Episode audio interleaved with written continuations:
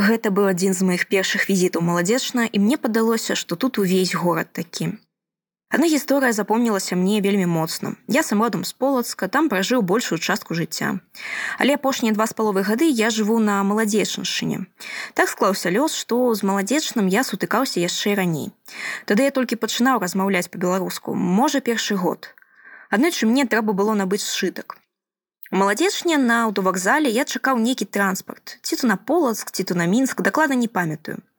Убіл сваю здоўку попрасіў агульны сшытак, на што мне сказалі, што іх няма. Я пасля паглядзеў і кажу, дык вось жа ляжаць.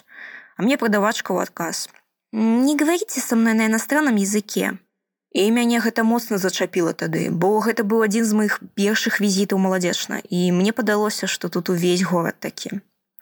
Такі стэеатып у галаве адразу ўзнік і з ім нічога не паробіш, пакуль не пераканаешся ў адваротным.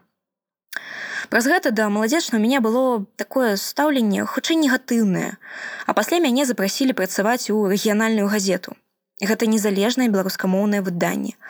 І калі я пераязджаў маладзечна, гэта гісторыя ўвесь час усплывала ў галаве. І мне спатрэбілася некалькі месяцаў жыцця на маладзечаншыне, каб змяніць сваё стаўленне да гэтага горада.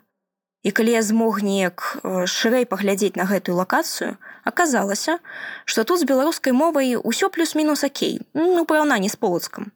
Беларускамоўнае выданне незалежнае ёсць, э, вельмі шмат людзей на такой сакавітай беларускай трасянцы размаўляюць у крамах па тэлефоне.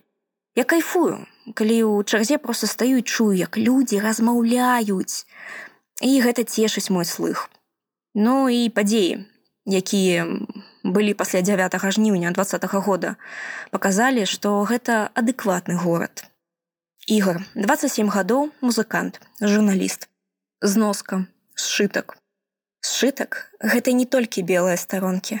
Сшытак так можна сказаць і пра народ які сшыты адзінай ніткай якая не дае распасца на асобныя аркушы лісты. І гэтая нітка беларуская мова. Чытала настасья